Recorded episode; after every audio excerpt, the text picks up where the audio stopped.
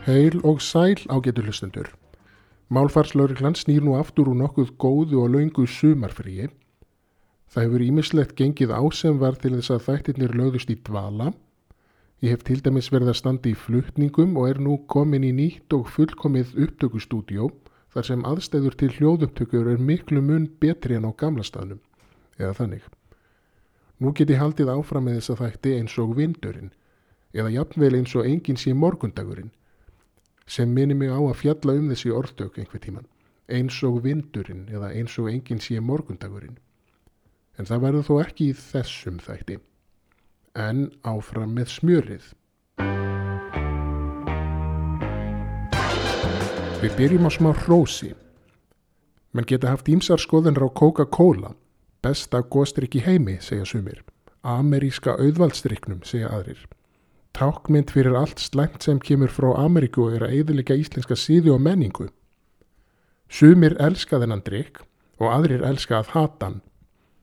En Róstagsins fær fyrirtækið Coca-Cola European Partners Ísland og sér skulum við ekki ræðum natnið á fyrirtækinu því að skömm eftir að síðasti þáttur fór í loftið þá bárust þær fréttir að fyrirtækið hefði ákveðið að skipta erlendu heiti á einni af framleysluverum sínum út fyrir Íslandst eða svona eins mikið hægt var að gera.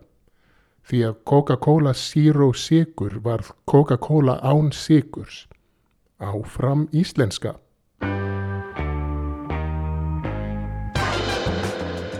En þá að áhrifum orða og málfátækt. Það er magnað hvað orð geta haft mikil tilfinningaleg áhrif á fólk.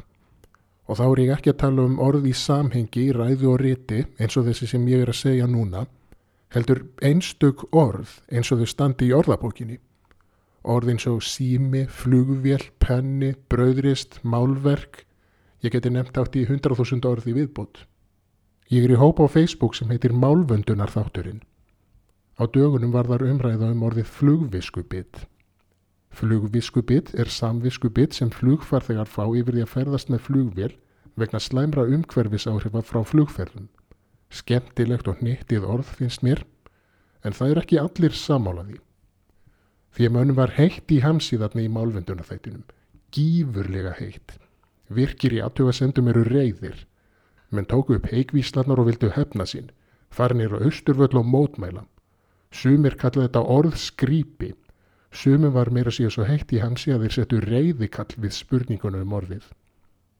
Hlustum á nokkur dæmi. Ömurlegt þáviskubit er algengt meindýr í áróðursherfverðum. Samviska er þýðingarlán úr konsjentsia. Orðskrýpið flugviskubit er myndað með tilliti til hljóms en ekki hugsunar. Þess vegna er það misetnað. Hvers slags vittlisa er þetta eiginlega? Á þetta að vera íslenskt orð og ef svo er, hvað þýðir það eiginlega? Mér er spurt, mér finnst flugviskubit að vera rosalega vond orð og ekki neinu samviki við það að skamma sín fyrir að fljúa oft. Hvað er flugviska? Hvað þýðir þetta orðskripi eiginlega? Flugviska er ónúatæft orð. Það er villandi, skýrir sig ekki sjálf, á að merkja allt annað en það segi samála afspyrnu astnalegt orðskrýpið sem þýðir ekkert. Flugviskupið er auðvarslega mjög villandi hugtak yfir fyrirbæri sem áður hefur verið nefnt flugskömm. Sá sem hefur flugvisku hlýtur að vera flugvitur. Það er, hann hlýtur að hafa mikla þekkingu á og reynslu af flugi. Flugviskupið. Eitthvað sem býtur í flugviskuna. Hvað merkir flugviska? Hvor býr yfir flugvisku, flugmadurinn með sitt vita og eðli flugs og flugvílja eða flugfarþeginn sem veit lítið annað um flug og flugvílar heldur og það hvernig flugvílar líta út og hvar farþegarsætin er að finna. Orðskrýpið flugviskubitt er með öðrum orðum byggt á miskillingi. Þegar hafa komið fram notæf orðum fyrirbærið svo sem flugskömm, flugskömmusta og svo framvegist. Þið verðið að afsaka en ég kemst ekki hjá því að lesa þessar aðtugasendir virkrab öðruvísi en með gömlu kallarötum. En þetta er greinilega hita mál. Það tekur tíma að venja snýrum í málinu. Við tökum þau ekki sátt fyrir en við vitum hvað þau þýða og jafnvel ekki þá. Ég hef til dæmis vekið nokkur skilabóð frá lesendum orðabókarinnar um orðið hrútskýring. Sumir verðast einfallega ekki vera sáttir við að það sé til yfir höfuð. Annað dæmi eru lítilli fréttum streymisvituna Disney Plus sem byrtist á vísi fyrir nokkrum vikum.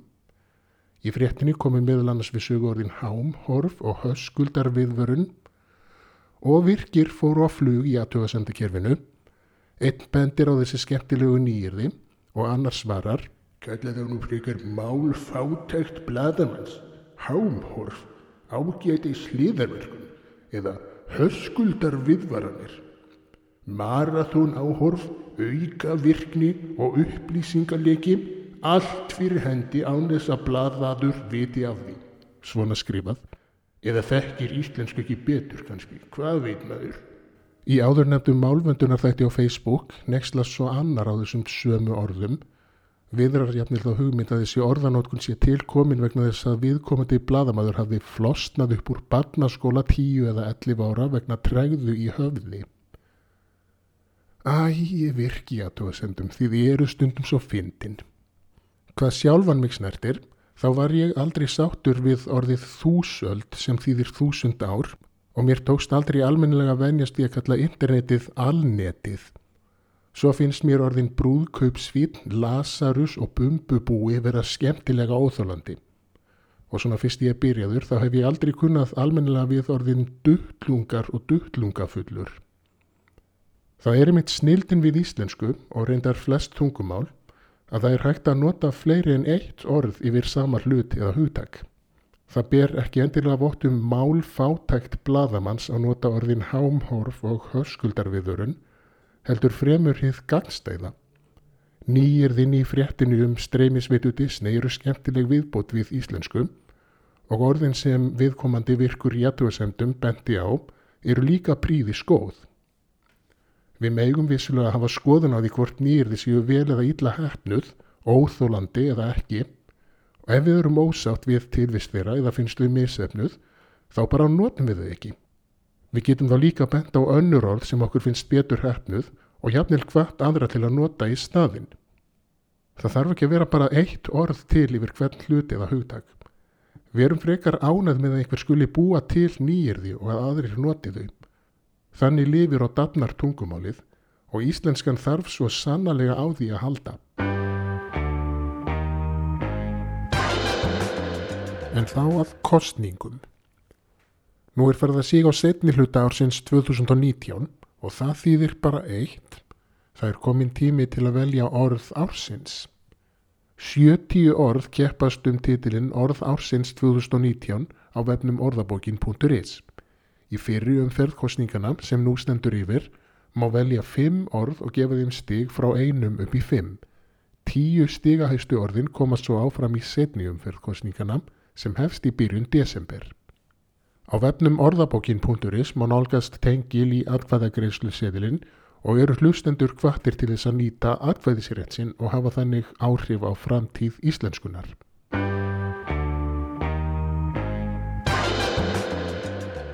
Þessi þáttur er þá senn á endarunin.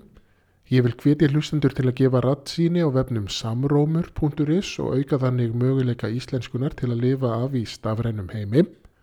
Ég minni að lokum á samfélagsmiðla málfarslögreglunar á Facebook og Twitter en tenglaði þá á samt fleira skemmtilegu og spennandi efni eru aðgengilegir á vefnum orðabókin.is. Verði sæl.